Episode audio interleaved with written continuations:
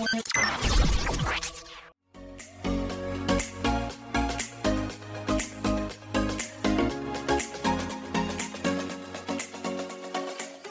malam minggu buat kalian semua, mau itu yang jomblo ataupun enggak. Balik lagi di The Egg Podcast. Kali ini kita bakal bahas mengenai hal yang lumayan hype di kalangan anak muda, yaitu nikah muda. Wait, sebelumnya seperti biasa kita mau ngingetin sama lo semua buat tetap jaga jarak, jaga kesehatan, jaga hati, biar lo tetap sehat dan bisa dengerin podcast ini. So, this is it. The Podcast.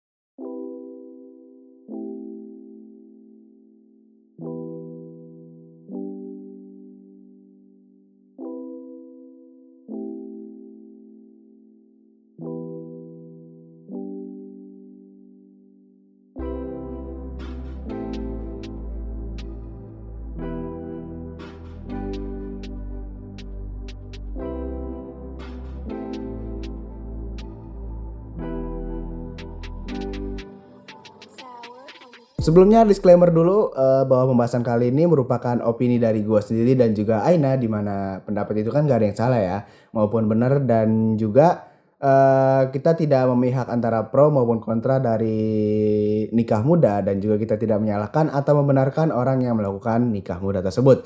Dan juga sebelum kita mulai langsung kita ucapin selamat buat salah satu teman kita yaitu Pangestu Haji Saputra yang telah melaksanakan eh, pernikahannya di tanggal 15 Oktober kemarin. Semoga keluarganya samawa yaitu Sakinah Mawadah Warohmah sampai eh, maut memisahkan keduanya. Selamat dulu. Mm-mm. Amin. Selamat. Selamat Aji. Mm-mm.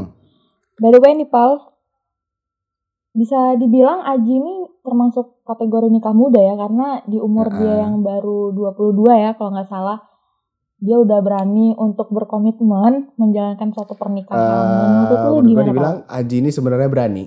Karena di umur yang 22 yang menurut gua itu masih dibilang seorang eh masih dibilang umur untuk nikah muda ya dia udah berani buat menja menja bukan menjalin membangun sebuah keluarga gitu. Dan dia di umur 22 ini bisa menjadi seorang eh apa namanya ya sebutannya kepala keluarga gitu loh memimpin istrinya dan nanti kelak anaknya nanti gitu kan Eh, eh? Masya Allah. gue nih lagi keren, lagi keren, keren, seneng baca Oke. nikah muda soalnya Nih kan eh, sekarang kan lagi Mm-mm. ada ada menjurus mau ke sana Pal? enggak enggak enggak Next. gitu juga maksudnya kita Yang kan kedua? lagi lagi ini lagi trending kan nikah nikah muda gitu enggak trending juga sih maksudnya banyak dibicarakan orang gitu kan apalagi eh, corona nih ini entah kenapa corona tuh harusnya orang nikahnya itu kan dilambatin dulu kan atau antaranya tapi entah kenapa orang jadi banyak nikah gitu loh karena Iya, malah Malah mungkin makin malah membludak. jadi agak naik gitu ya orang yang nikah ini secara resmi karena nggak perlu bikin resepsi, bener kan? Jadi cuman akad aja gitu. Jadi kalau orang-orang dulu kan, Mm-mm. Iya benar-benar Lebih gimana? Lebih nggak kau tadi mau apa? Kenapa tuh? Ah, lebih murah karena Lebih murah kan kalau biayanya. uh, Lebih di non biayanya. pandemi di hari-hari biasa kan orang nikah kan pasti harus mikirin resepsi, harus mikirin akad, harus mikirin uh, tempat, harus mikirin biaya yang mahal gitu kan. Ah, catering, Bu, ya Catering. bener juga makanannya ya kan. Eh, Iya. Kalau sekarang kan enak, kita cuma undang keluarga kecil ataupun keluarga besar lah ya. Akad doang udah selesai ya kan, cuma pesta kecil-kecilan keluarga doang. Jadi Mm-mm. ya nggak ada tekanan buat nggak ngadain pesta emang lagi keadaan pandemi kan nah ini juga nih eh, pandemi ini yang ngedorong eh, orang-orang Iya, buat benar. nikah muda juga soalnya kita jadi lebih muda kan Kalau bahas Mm-mm. nikah muda nih Pal, biasanya tuh iya eh, kita bahas nikah muda tuh pasti selalu ada Mm-mm. dua argumen nih kan. Argumen yang pertama itu pasti orang-orang yang mikirnya aduh ngapain sih nikah cepet-cepet masih ada masih panjang perjalanan yang harus masih kita niti karir ya capai gitu. Terus ada juga argumen satu lagi uh, uh, ada lagi satu argumen yang bilang ya suka-suka gue dong gitu kan. Kalau uh, merasa udah siap ya kenapa harus ditunda-tunda gitu. Tuh gimana tuh? kalau gua sendiri ya lu kenapa jadi nanya gue sih lu dong sekali-kali duluan dong Ya kan kita Enggak, saling, masalahnya saling masalahnya bertanya, saya belum kan menanyakan Anda dulu, gitu ya. Jadi mending gua nanya ke lu, lu dulu menurut lu Oh. gimana nih pro kontranya nikah muda atau apakah eh, kau ini pro ataupun kontra gitu. Atau malah netral atau malah pro karena Oke, oke, Anda oke. mau nikah muda duluan? Kalau aku jujur netral sih. Anda tidak pro? Eh, enggak. Kalau eh, saya Belum- jodohnya apa, saja gimana? saya belum ada ya Pak. Belum belum ada ya? belum Oh. ada gitu kan. Hmm, Oke. Jadi mau nikah sama siapa? Jadi ya? netral ya? Itu netralnya gimana? Coba coba dijelaskan. Jadi kalau Mm-mm. netralnya gini sih kalau aku kan eh, apa ya tujuan Hmm. hidup orang tuh beda-beda. Mungkin mereka punya goals masing-masing kan. Ya nggak menyalahkan juga sih ya terserah. Tapi kalau tujuan hidup aku mungkin ada beberapa list kan pasti kita. Mungkin untuk nikah tuh belum ada di list terdekat aku sih Udah. gitu. Jadi ya ya ya mungkin masih jauh lah untuk mikir nikah kalau aku. Tapi ya yang tidak menyalahkan juga terserah terserah kalau misalnya udah siap ya udah Hmm, silakan Oke. gitu. Kalau gua Gitu. sebenarnya sih lebih ke kontra. Ah. kalau gua Tadi lebih ke kontra. Gua pokoknya. nggak milih aman, nggak milih jalur aman, nggak milih apa. Kenapa tuh? nih eh, orangnya kontra sama nikah muda sama orang-orang dan juga sama orang-orang yang nikah muda. Kecuali ada eh, apa namanya alasan khusus atau alasan yang benar-benar mendesak gitu loh ya selain karena eh apa namanya apa sih sebutannya kalau BBO ya apa sih sebutannya pokoknya apalah itu lupa aku namanya itu apa sih Apa tuh? Eh, MAB Eh, eh M- hmm. MBA MBA MBA MBA Apa MBA, sih, MBA. Pak? E. Kok BBO sih MBA. apa tuh kali Aku tuh polos, Pal. Aku Nggak, ngerti yang gitu-gituan, Pal. ya udah MBA nggak intinya MBA lah lu nanti dengar bisa cari sendiri apa itu ya ya aku nih kontra kenapa karena orang yang nikah muda otomatis dia ini belum ada pengalaman hidup ya kan? Belum ada mental yang kuat ya kan? Belum Mm-mm. ada apalagi belum ada finansialnya. Dan apalagi yang nikah muda itu seorang cowok.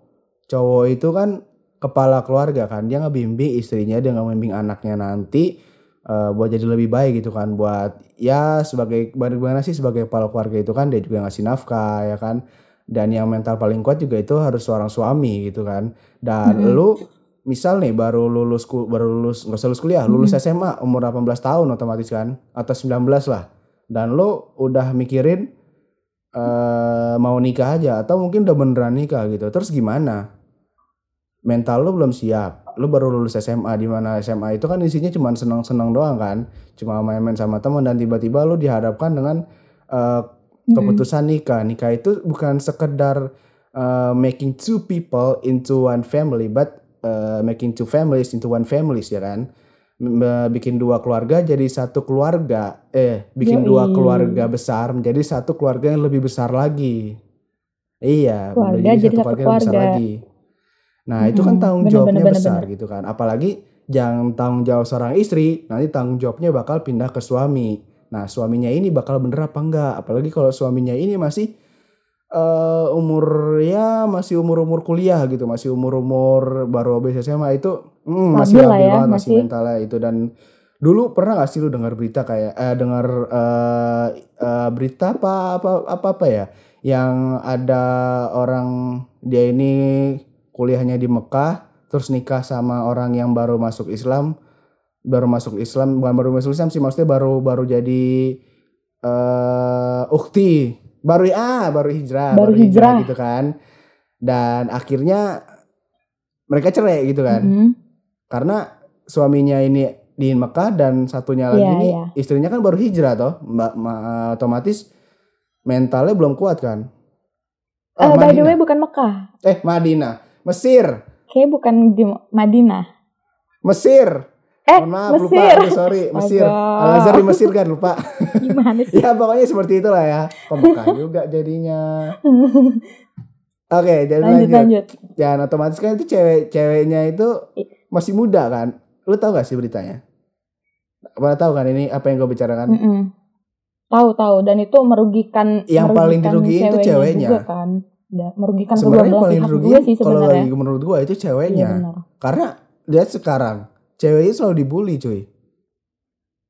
Dan gua nih sebenarnya nggak nggak nggak nggak mikir ya. Gua Mm-mm. bukan nyalain keduanya juga. Gua nggak mikirin cowoknya juga. Cowoknya juga eh dia kan LDR ya otomatis kita lama ketemu dong dan what the fuck bro ini kenapa ceweknya dibully gitu kan dampak dari nikah muda tuh kalau semisal gagal atau nanti Iya. cerai itu pasti ceweknya yang bakal kena gitu kan dan itulah efek dari mental yang belum siap sebenarnya kalau Mm-mm. lo misal orang kaya nih eh, bapak lo eh, sultan ya kan Eh, dari kecil lu nggak usah kerja sebenarnya udah jadi orang kaya gitu nggak usah kerja juga apa-apa terus lu nikah gitu kan tapi mental lu nggak kuat terus lu mau ngapain nikah gitu kan cuma buat Hmm. ngehalalin sesuatu yang haram itu kan percuma itu tuh, tuh main- memain-mainkan sesuatu Iya. ikatan suci menjadi sesuatu ikatan yang eh, makruh gitu loh bener kan Orang ini nikah ikatan suci kan, membuat suatu ikatan suci kan, dan kemudian ketika Iya dia benar. ikatannya itu putus, otomatis jadi makruh dong ikatannya. Cerai itu kan nggak nggak haram kan, nggak dosa kan, tapi makruh kan, dibenci oleh Allah kan. Enggak, enggak, enggak. Nah, dan juga Mm-mm. eh gue Iya, gue bukan ngambil ya, gue punya eh, teman, punya banyak kenalan gitu, banyak nih yang mikir nikah itu bikin datang rezeki. Pernah nggak sih lo denger kayak gitu? Nanti rezeki itu datang sendiri gitu loh. Nanti Gimana, rezeki itu datang sendiri ketika lu udah nikah. Oh, Nah, banyak. Itu menurut lu gimana? Kalau orang kayak gitu tuh. Iya, banyak eh, yang bilang kayak gitu. Iya, bener juga sih. Maksudnya ya memang itu kalau di prinsip prinsip apa ya? Istilahnya prinsip Hmm. agama ya memang disebutkan kan itu. Ya nggak salah juga. Cuman eh, menurut aku ya kita realistis aja lah gitu. Gimana nggak bener sih? gimana? Bener gak sih?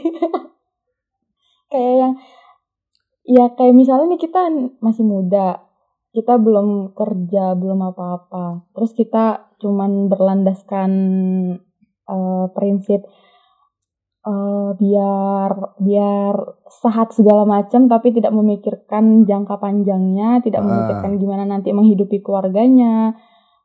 Secara finansial itu kan kayak yang ya ya iya sih rezeki itu pasti bakal ada, tapi kan nggak nggak kayak Mungkin gitu kayak loh ya, caranya. orang Gimana tuh sih? nganggap- eh gampang lah di Jakarta nih. Jakarta eh sebenarnya sih nggak terlalu banyak sih.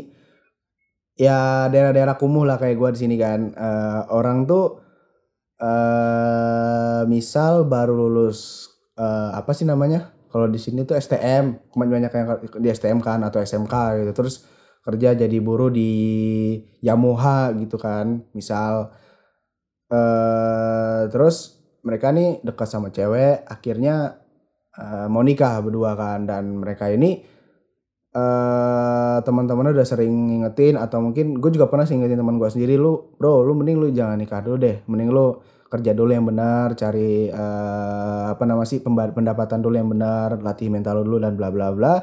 Dan ya akhirnya dia tetap nikah gitu kan. Dan sekarang finansialnya ya kayak gitu. Di garis bukan di garis kemiskinan sih tapi di bawah di bawah standar rakyat di Jakarta gitu di, di bawah standar UMR Jakarta lah istilahnya pendapatannya.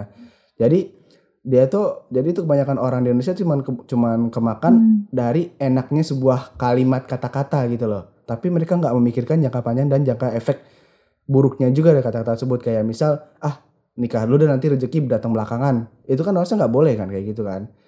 Eh, yang dibilang rezeki datang ke depan itu kan bukan Hmm. cuma duit kan tapi kesenangan rohani jasmani karena udah punya istri gitu kan dan juga walaupun kita nanti dapat eh, rezeki double Iya. gitu kan otoma- eh, misal kayak suami istri saling kerja dan kita juga sebelum nikah tuh harus nyiapin juga kan eh, tabungan dan segala macam mungkin dana darurat dan sebagainya nanti kalau udah nikah mungkin kayak gitu jadi kalau gue lihat sih rata-rata orang Indonesia nih eh, melihat sebuah kalimat itu dalam baiknya aja jadi melihat pernikahan itu hanya di sisi baiknya aja ah tapi sisi negatifnya enggak karena eh kebanyakan ya eh, dari keluarga gua atau dari teman-teman dekat gue itu banyak yang nikah muda dan keluarganya tuh 80% tuh nggak ada yang baik gitu loh.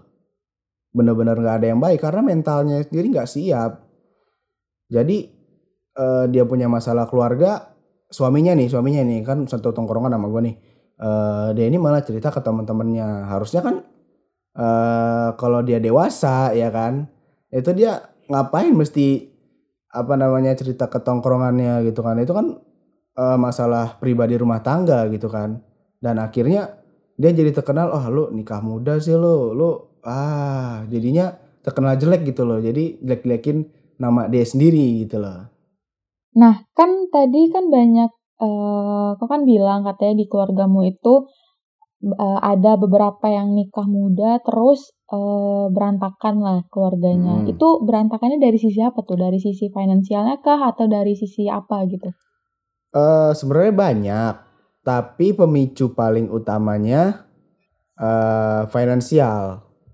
Jadi eh ini kan masih seangkatan sama gue ya, Hmm. masih umur-umur dia tuh nikah tuh kalau nggak salah setahun setelah lulus SMA.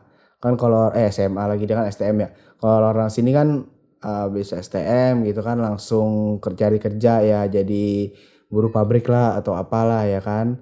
Eh, dan dia kan masih main-mainnya kan sama orang-orang kayak gue kan yang waktu itu kan masih lulus SMA yang masih labil yang masih sering main masih sering nongkrong masih masih sering main sama teman-teman masih sering ngabis-ngabisin duit ya kan dan dia nih udah kawin gitu kan. Hmm. dan karena mental belum kuat. Ini cowok ya, cowok cowok cowok cowok. Ini cowok ini cowok. Eh, dan finansialnya eh bukan finans dan mentalnya kan belum kuat ya kan. Masih belum sanggup me- meng- bukan menghidupi membimbing istrinya gitu kan. Dan finansialnya kan juga nggak terlalu gede ya. You know lah kalau Mm-mm. buruh pabrik kan berapa sih? Nggak nggak setara UMR Jakarta kan jadi akhirnya ya banyak masalah karena misal Iya, iya. istrinya mau beli sesuatu nggak bisa dibeliin gitu misal Eh, mau makan enak nggak bisa gitu kan permasalahannya kan sepele kan tapi ini bisa bahaya di Sepele, ya iya kan sepele sepele. banget kan cuma bayanginnya cuma karena mau beli Kemudian hari. Heeh, mau beli CFK misal tapi nggak bisa terus eh, apa namanya? Kita sensor ya kita sensor.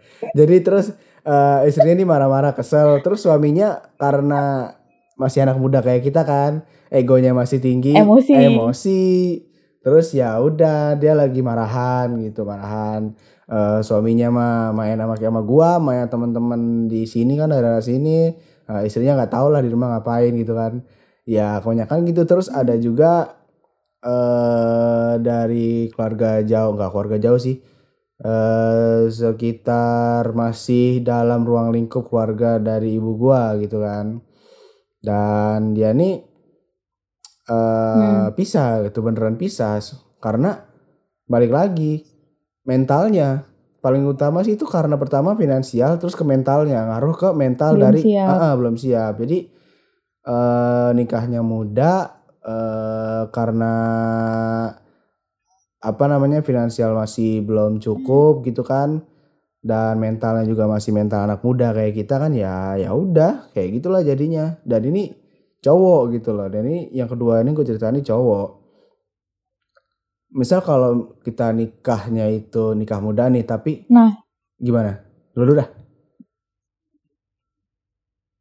Apa mau tanyain Gimana lanjutin dulu itu? Enggak, tadi tadi Anda mau nanya soalnya jadi saya ya kan lanjutin aja nih. eh, kalau Gimana? terserah kalau masih mau lanjut lanjut aja. Ah. Kayak tadi masih ada yang mau diomongin. Nggak. Lu nih jadi motong gitu loh. Ngeselin emang Anda ya. Udah lanjut aja ya. Jadi aduh lupa. Iya maaf ya, soalnya kan rada Eh, gimana? ya udahlah aku aja Udah nanya. nanya. Kan tadi kan banyak tuh eh dia nikah muda segala macam. Menurut pandanganmu itu kenapa sih orang tuh berpikiran untuk nikah muda gitu dari lingkungan terdekatmu lah? Alasannya apa sih kok dia sampai mau nikah muda gitu? Paling gampang suruhan orang tuanya. Tradisi keluarga eh Iya. agama ya you know lah kan apa namanya banyak orang orang-orang pinggiran kayak gua kalau misalnya kayak pacaran dan segala macam udah nikah aja sana ntar rezeki juga datang Pinggiran pal ya? iya kan kampung kampung pengarengan kampung ya kampung kampung pinggiran nih pinggiran nah, pinggiran nih gua nih Oke. Eh, lanjut Heeh. ya mu- motong ya terus deh tadi ya Biasanya potensinya Jadi intinya dari dukungan orang tua dan juga eh, tradisi dan agama segala macam lah gitu kan. Ya kalau udah pacaran, udah dekat gitu, mending nikah aja sono gitu loh. Jadi dari orang tuanya pun nggak nggak melarang anaknya nikah dan kebanyakan orang-orang tuanya itu tidak memikirkan nanti ke depannya bakal bagaimana kalau dia tiba-tiba nikah tapi eh, mental, finansial, kesehatannya dia sendiri dan sebagainya lain sebagainya tidak siap begitu loh. Soalnya eh, ada lagi nih cerita lagi dari eh, keluarga gua sendiri ya, bukan keluarga maksudnya bukan keluarga gua, maksudnya keluarga besar gitu ya, ada orang keluarga lain gitu. eh udah tua, nikahnya nikah nikah tua gitu kan eh dia itu punya anak sekitar umur 27 tahun lah ya. Terus eh karena suaminya ini di PHK dan bla bla bla gitu kan. Eh mentalnya nggak kuat, finansialnya jelek gitu kan. Akhirnya dia tertarik dengan eh, suaminya ini tertarik dengan cewek lain gitu kan. Um, you, you know eh, selingkuh gitu ya bahasa kasarnya ya. Dan itu kan terjadi kepada orang Iya. yang nikahnya itu udah tua ya mental udah siap yang notabene udah makan asam garam pahit kehidupan gitu loh bayangin aja dia punya anak umur 27 loh dan dia itu nikah sekitar umur 25 26 Oh, wow. 25 26 dia baru nikah 27 baru punya anak. Udah tua Berarti dia udah dan- tua ya sekarang udah ya? tua udah tua banget sekarang. 73 lahirnya tante gua bukan tante bude. Wow. bude bude.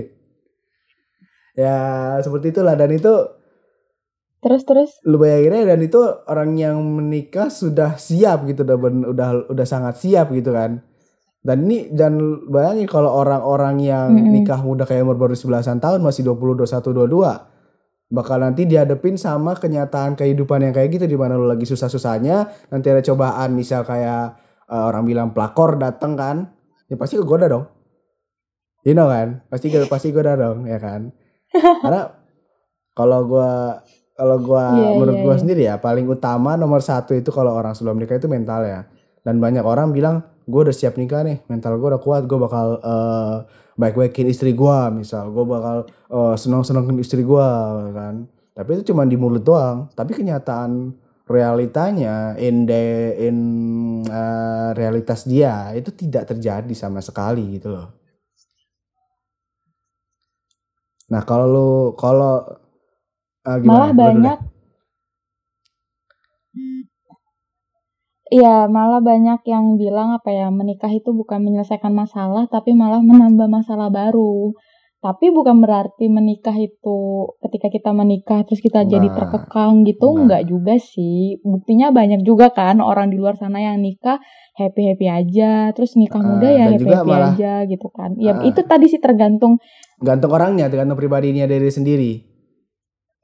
Eh, dan juga jangan eh, termakan eh, ajakan orang lain gitu kan dan jangan termakan oleh media-media memberitakan bahwa nikah itu enak nikah itu eh, lo apa ya namanya nemuin surga kehidupan gitu ya kan.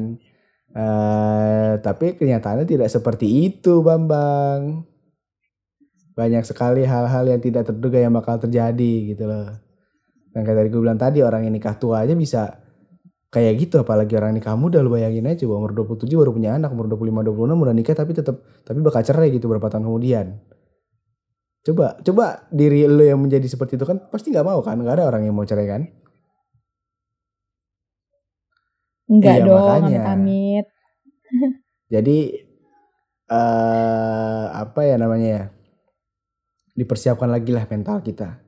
Mental itu yang paling utama gitu loh lu gimana? Benar-benar, aku setuju sih. Kalau gimana dengan yang apa yang dengan apa yang lu tanya ke gue tadi kalau menurut lu sendiri gimana?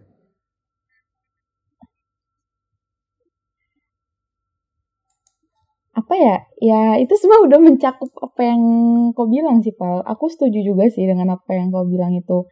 Tapi kalau untuk eh, pengalaman pribadi aku sih kayaknya aku belum menemukan orang-orang yang kayak gitu sih yang sampai separah Nah, itu ini tambahan juga nih. eh, permasalahan hidup Nah, ini juga nih.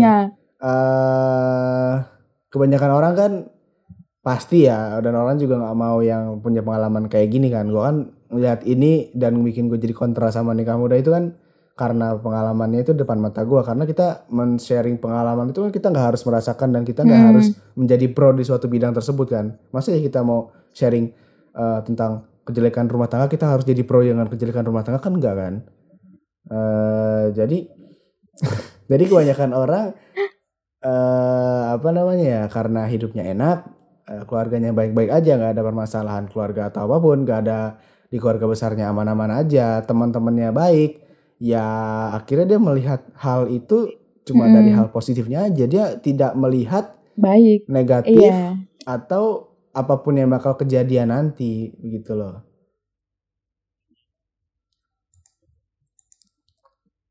Itu sih bener sih. Karena aku bener-bener nggak ada sih yang punya pengalaman kayak gitu. Mm. cerita-cerita kayak gitu juga nggak ada. Nah gue mau nanya nih kalau mau tapi juga di gimana? Lu dulu keluarga. Ntar lu tanya dulu, dulu kamu nanya sesuatu nih. Kita tadi kalau mau ngomong tuh barengan dulu jadinya. mau nanya eh ini memang sinyal ini nggak ada betul-betul lah Ah, ah. ya jadi di keluargaku juga nggak ada yang nikah muda gitu. Jadi nikah ya umur-umur ideal lah umur-umur 27 umur-umur 28 makanya nggak ada kepikiran ke sana. Hmm. normal masih ya? Gimana Aku pak? tuh tadi mau nanya apa pak? Iya normal. Normal masih semua. aku mau nanya.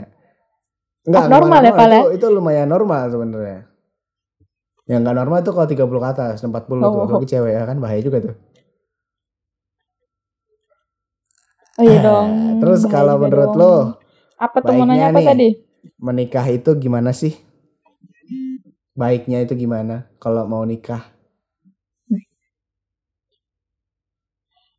baiknya kalau mau nikah Hmm. pertama ya kalau buat cewek pastinya tuh mental sebenarnya tadi udah disebutin semua sih pondasi-pondasi nikah itu yang Mungkin pertama mungkin tuh mungkin mental uh, lebih ke Karena lebih ke apalagi sisi cewek aja lah kan. Kan sebenarnya lebih ke sisi cowok kan kayak membangun iya uh, ke cowok sisi cowoknya kan.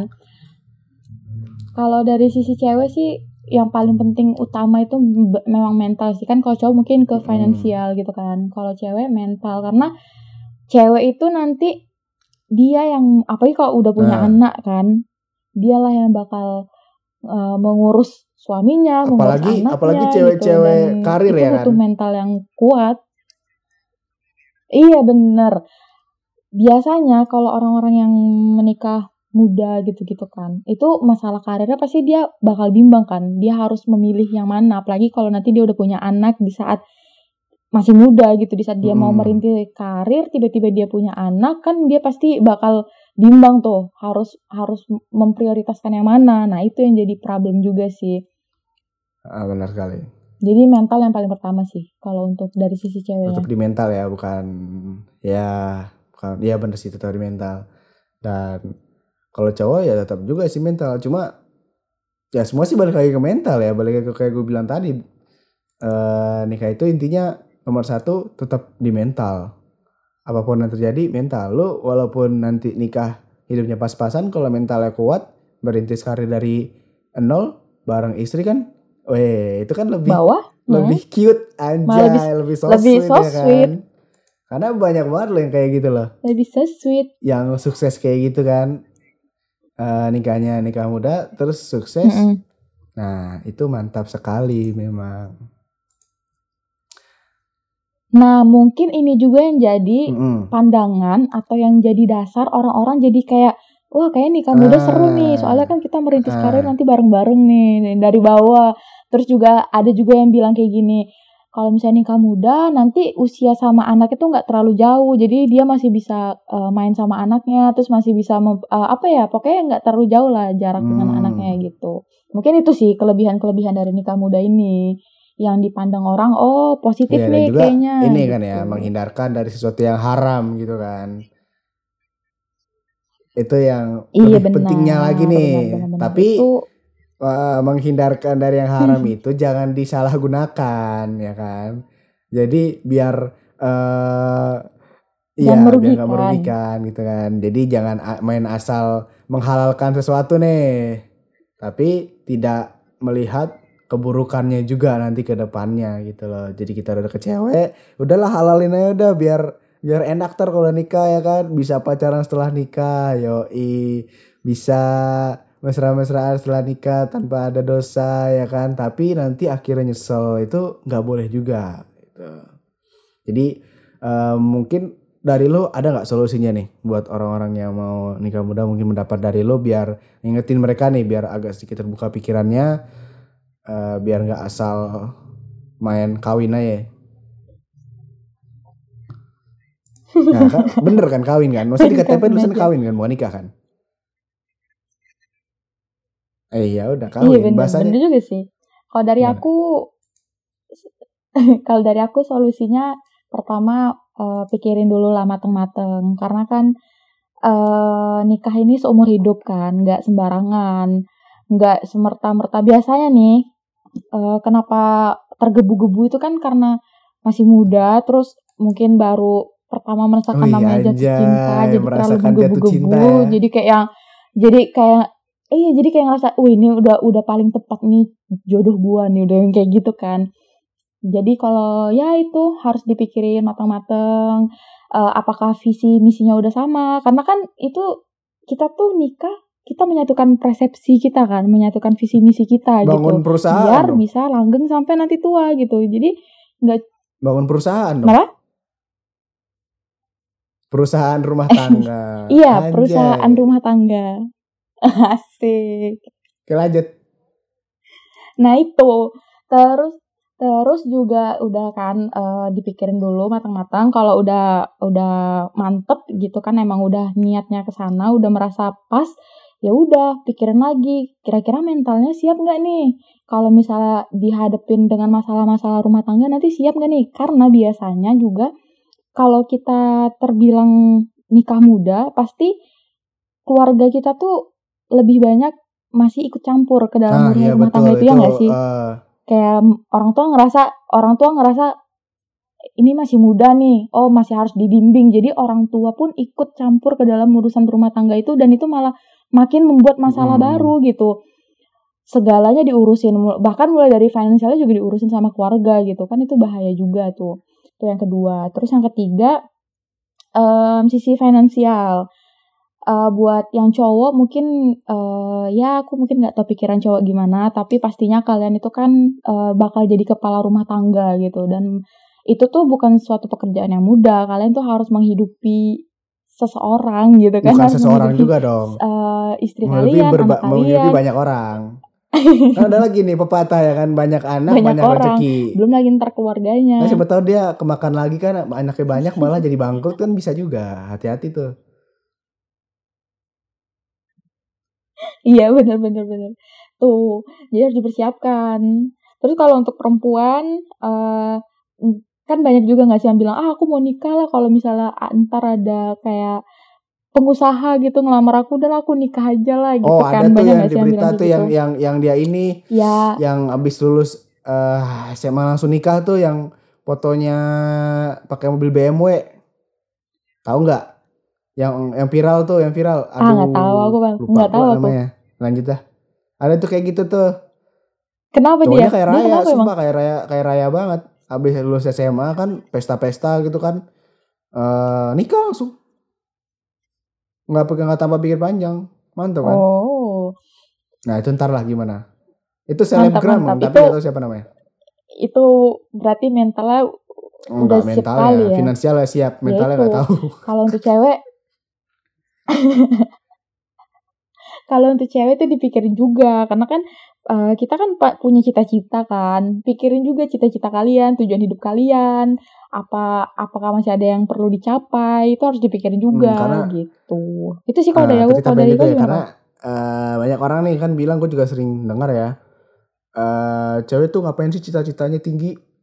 Orang tua ujung-ujungnya jadi ibu rumah tangga juga. Itu itu jangan jangan jangan berpikiran kayak gitu ya kan eh jujur kalau gua gua nih sebagai Mm-mm. cowok ya kan gua nggak gua nggak bakal ngikutin kata itu sama sekali gitu loh. Kalau misal nanti gue punya istri ya kan udah resmi misal ya kan ya kalau dia mau berkarir kayak apa ya terserah gue gak bakal larang sama sekali.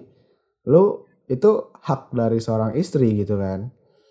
Jadi jangan takut nih kalau lu misal gue jadi gue jadi ngebela orang nikah muda anjir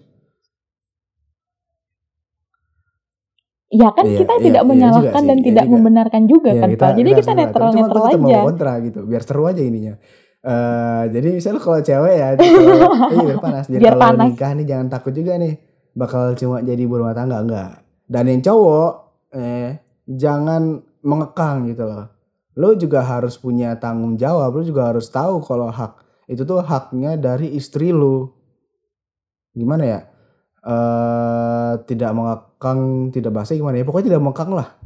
Nggak nggak nggak harus bikin istri lu tuh Hmm. cuma jaga rumah. Enggak enggak cuy. Nggak boleh kayak gitu. Gua tuh sangat melarang yang kayak gitu. Gua ini cinta kebebasan. I love freedom ya kan? Ya, dari rumah mau di mana pun ya udah. Jadi seperti itu. Kalau gua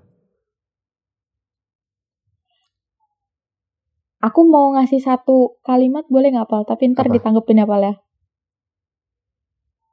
Jadi ada bentar-bentar aku tanggepin ada gimana dulu nih baca terus aku melihat ada suatu ada satu Nah. kalimat yang menarik. Jadi ada kalimatnya kayak gini. Menikah itu bukan karena waktunya, tapi karena dia orangnya. Asik. Itu gimana tuh, Pal? kalau ini gua sangat tidak setuju coy bukan Kenapa karena tuh? waktunya tapi karena ada jodohnya. Terus kalau ada jodoh tapi belum siap gimana? Lu langsung Iya. kawin gitu? What the hell? Nggak ada persiapan gitu? Tapi kalau emang dia jodohnya kan berarti nggak itu juga takdir, dong. Pal. nggak juga dong. Berarti kan lu, itu lu takdir dia, nikah Pal. itu terus lu bilang itu itu jodoh lo apa gimana? Kan bukan bukan juga. Nggak nggak gitu juga. Masa ya orang ini pendapat gue ya. Lu lu nikah sama seseorang terus lu anggap dia jodoh lu. Terus kalau lu cerai? Hmm. Hmm. kan lu jodoh lu? Hmm. gimana coba? Iya kan? Menarik, menarik. karena orang banyak bilang nih eh seseorang nih jo seseorang nih jodoh. Seseorang nih udah nikah terus orang lain menganggap mereka itu jodoh. Tapi kalau suatu saat mereka cerai terus sudah nggak jodoh lagi gitu. Karena kalau menurut gue ya jodoh itu orang yang bisa lu pertahanin sampai akhir hayat. Itu namanya jodoh bukan hanya sekedar eh nikah doang. Terus dulu bilang dia itu jodoh lu yang sampai lu mati? Enggak.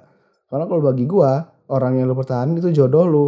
Berarti otomatis dia bakal nemenin lu sampai lu mati. Nah itu yang namanya jodoh lu. Itu bagi gua. Kalau gua sih gitu. Tapi Pal kan nggak semua orang nikah terus iya cerai enggak. gitu kan, Pal. cuma mindsetnya itu loh. Mindsetnya Itu itu loh ya tuh? kan? Banyak orang kan bilang eh dia nikah otomatis sudah jadi jodoh. Jadi lu bilang sebenarnya lu bilang dia itu jodoh tunggu mereka mati baru bisa lu bilang itu jodoh. Oh, bukan pas mau baru ketemu Ah, "Wah, ini jodohku, Terus- tapi nggak tahu ke depannya gimana ah, gitu dan juga maksudnya. cuma karena dia bisa nikah berdua itu bukan langsung berarti jodoh. Kalau dia udah langgeng lama itu baru dia dibilang saya bilang jodoh. Apalagi sampai mereka udah udah mati barengan nggak barengan sih maksudnya em, dia ini nikah sampai mati gitu kan sampai akhir hayat gitu kan nah itu baru jodoh kalau gue menurut gue gitu Hmm. ngerti gak sih ngerti kan Oh gitu. nah Ngerti, ngerti, ngerti, ngerti, ngerti. Oke, oke, oke, oke, oke. Menarik, menarik, menarik, Hmm, jadi menarik. gue melurus gue nggak meluruskan sih gue itu itu eh, lebih ke pendapat pribadi aja sih soalnya Karena mungkin apa eh kau tuh melihat ke jangka ah. panjangnya gitu kan, ke gimana ya? Karena udah ada pengalaman melihat melihatnya seperti itu, jadi nggak cuman melihat sisi positifnya, tapi melihat ke sisi-sisi lainnya. Makanya untuk kalimat yang kayak gini aja tuh bisa jadi ke mana-mana ya. semacam itulah.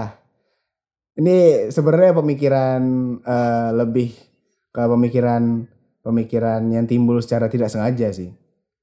Dan bikin sadar gitu loh. Oh iya ya.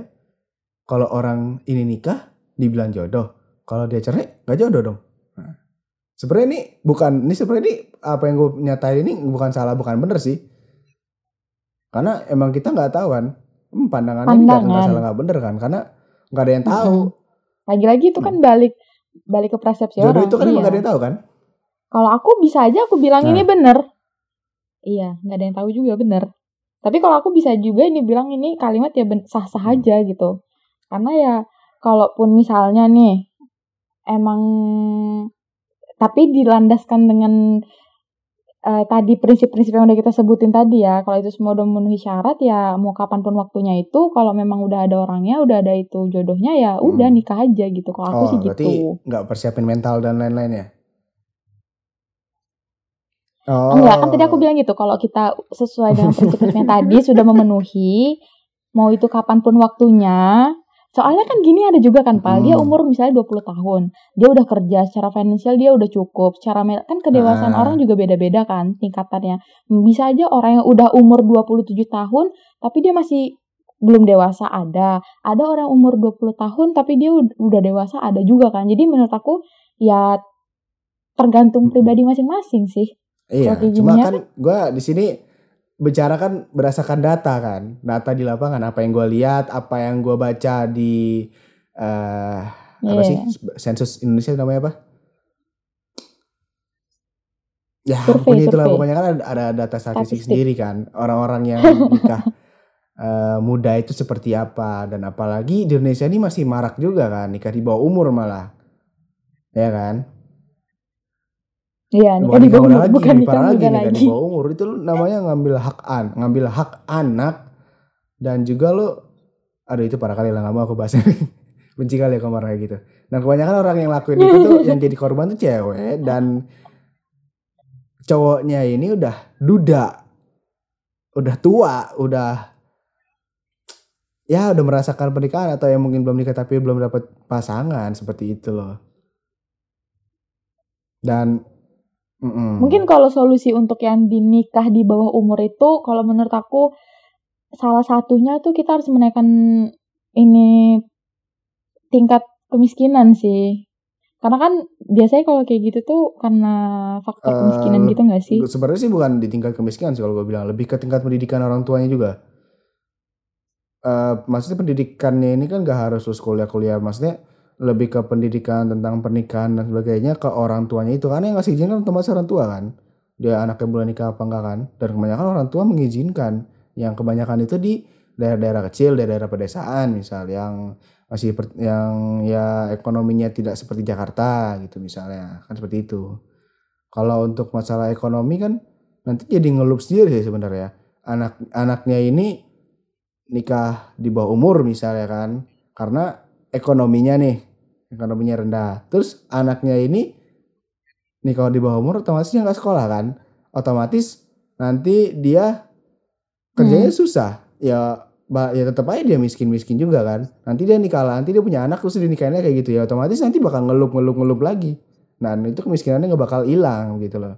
Mm-mm, Gitu-gitu gitu aja. Mm-mm. Jadi empat, jadi mungkin kalau solusi dari gue sih ya, eh selain dari pemerintah yang rancang undang-undang dan sebagainya, eh eh, apa sih KPAI atau segala macam lah, eh, gue nggak ngurus gituan.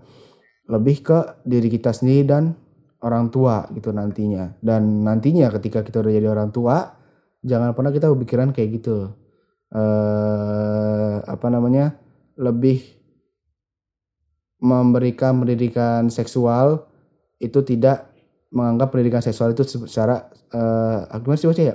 Tidak mem, tidak eh gimana bahasanya ya?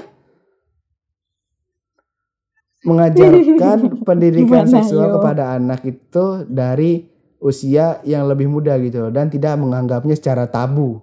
Nah ini ada lagi nih, gue baca lagi nih. Eh, banyak orang-orang kan Iya. pendidikan seksual itu kan hal yang tabu ya kan hal yang nggak boleh diomongin nggak boleh Mm. dibicarain karena masih muda atau belum nikah kan? Sebenarnya ini jadi salah satu problem salah satu penyebab kenapa banyak orang eh, bukan bukan cuma nikah di bawah umur tapi nikah muda juga kayak yang gue bilang tadi setelah SMA dan segala macam karena sebel karena apa yang dia tahu dengan dengan dengan pendidikan seksual itu kan cuma dari teman-teman ya kan? And you know lah gimana kan teman-teman itu memberikan kita pengetahuan tentang pendidikan seksual yang tidak sebenarnya gitu kan. Kalau dari kan pasti beda kan.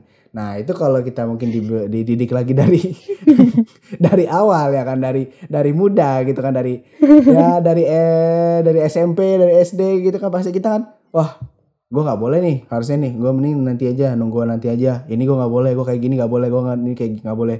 Nah itu dari situ juga eh kita sadarkan lagi tuh. Soalnya eh pasti mungkin orang tua lu nggak pernah ngajarin juga kan karena itu anggap itu hal yang tabu juga kan benar nggak sih Nah, nggak pernah kan Iya, ngomongin benar pernikahan sih. itu kayak gimana Benar, nanti benar, kalian benar. bakal ngapain apa yang harus dilakukan itu nggak pernah sama sekali kan diomongin kan nanti pas sudah nikah baru diomongin kan baru diajarin kan nah Iya, iya. Bahkan sampai aku udah sebesar ini aja aku belum pernah di wejang eh, pernah lah beberapa tapi nggak mm, nggak terlalu yang wejangan untuk ke pernikahan tuh gimana Nah, aku gimana pun gak, belum aku pun sih aku. juga nggak pernah paling cuma nanti kamu kalau cari istri ya kayak ibu kamu ya yang rajin kerja dan segala macam. Begitu doang. Tapi sebenarnya inti dari eh pendidikan seksual itu kan tidak seharusnya yang seperti itu kan. Tapi juga masuk ke pernikahan itu kayak gimana? Nanti kayak gimana? Kamu nih nanti nggak boleh kayak gini. Kamu nanti di kantor harus kayak gini bla bla bla. Itu nggak kita nggak pernah diajarin. Nanti pas udah nikah baru diajarin. Nah itu salahnya juga. Seperti itu. Jadi kayak kita mau beli barang nih tapi kita nggak nyari dulu barang itu kayak gimana nanti pas kita udah beli barangnya udah nyampe rumah baru kita cari-cari nanti kita nyesel nah itulah anggapannya yang kebanyakan Yes. terjadi sekarang. Lagian juga kalau masalah kayak pendidikan gitu kan, pendidikan seksual gitu mengarahnya jatuhnya nanti kita tahu bahwa eh kapan sih kesehat apa ya dari bidang kesehatan Mm-mm. juga jatuhnya kan kalau kita masih muda terus kita udah punya anak segala macam kan dari tingkat kesehatan juga nggak bagus kan. Hmm. Eh, tubuhnya belum kuat lebih tepatnya belum siap Belum Ah, siap, ada ya. orang yang siap ada ada juga orang yang nggak kuat ya kan kan kebetulan mak gue juga bidan kan kan sering tuh di kalau gue lagi di kamar mak gue Hmm. teriak-teriak kan ngomong sama temennya kan nelpon gitu kan ini ada pasien masih muda gitu masih umur 18 19 tahun udah punya anak kembar akhirnya ya naujubillah lah anaknya selamat ibunya enggak gitu kan ya itu semua eh Iya. kejelek kejelekan hal Kuasa iya kuasa di itu atas juga. juga. cuma kan kita bisa sedikit mungkin tangga mungkin gimana ya bahasanya menghindari, lah bukan Menghindari. maksudnya kalau kalau kalau apa menghindari. namanya Lebih kalau misalnya mencegah. emang nikah eh nikah lagi kalau emang meninggal di tanggal segitu kan setidaknya cara meninggalnya bisa sedikit kita ubah gitu kan tidak dengan cara seperti itu gitu kan itu kan lebih lebih lebih gimana ya lebih sakit gitu loh Eh tapi mulia loh. Tapi mulia loh meninggal ya seperti ya itu. ya setidaknya kan kita berusaha men- untuk mengubah gitu loh ya kalau dia langsung meninggalkan kalau nanti cacat Kasihan kasihan Iya. anaknya juga kan. Kasihan nah, anak nanti sama kalau itu suaminya. mending kalau nanti anaknya selamat kalau anaknya selamat tapi cacat Nah, atau mungkin Hmm. ibunya nggak selamat ibunya selamat tapi malah gangguan mental atau segala macam kan ya ya kita nggak tahu ya kan lebih baik mencegah gitu loh karena kalau udah seperti itu penyesalan tuh selalu datang belakangan dah itu aja intinya Wah, udah panjang juga ya kita ngomongnya. Jadi intinya, jadi intinya kau kalau disuruh Enggak. nikah sekarang mau Enggak atau enggak? serius ini nggak bukan bukan karena pencitraan ya emang nggak mau serius lebih nyari duit dulu kan belajar dulu nih dari orang-orang liatin oh kayak gini oh kayak gini ntar tuh oh kayak gini. Ya gitulah pokoknya. Cari pengalaman dulu. Berarti usia usia ideal menikah menurutmu kapan? di atas 23 atau 24 itulah. Intinya sekitar sekitar 2 sampai 3 tahun lulus kuliah kan kerja tuh. Nah otomatis kan kalau kita kerja ketemu orang-orang yang Hmm. udah tua kan nah itu kita bisa belajar sedikit lah dari dia Mm-mm. seperti itulah dua tahun tiga tahun blah, mentalnya biar lebih kuat dikit gitu kalau kau gimana nah mau Oke, nikah oke. muda atau enggak? Iya. Siapa aku? Aku sepertinya Kan, kan, kan tidak. kau jodoh udah ada kan. Mohon maaf nih apa tadi? Bisa diulang? nanya aja loh itu nanya itu ada tanyanya tapi ketinggalan aja. Jodoh udah ada kan. Tanda kau pertanyaan itu tanda tanya tanda tanyanya. Kayaknya itu pertanyaan yang Ah. susah dijawab ya, Pal. Dari sekian pertanyaan itu pertanyaan tersusah untuk Oke, dijawab. itu susah ya. Ya udah karena susah, Pal. kita Oke. tutup aja podcast kali ini ya kan. Sekali lagi disclaimer ini cuma opini kita berdua, eh, opini dari seorang ya, Jangan ada yang baper. ya. Nih opini gua kalau lu nggak suka, kalau lu nggak suka silakan dislike, kalau lu suka silakan like karena kita nanti ini bakal diupload di YouTube juga, di Spotify, di Kaskus Podcast, di Play di Google Play Podcast, Apple Podcast, and everything pod, eh, dan semua platform podcast yang lo suka. Jadi kalau lo nggak suka silakan dislike, kalau lo suka silakan like, kalau lo mau dengerin podcast lagi silakan subscribe di Spotify dan juga di YouTube. So it's time to me and Aina to sign out and see you until next podcast. Bye bye. Kuy nikah muda kuy. Oh, anda ngajak The Eight Podcast.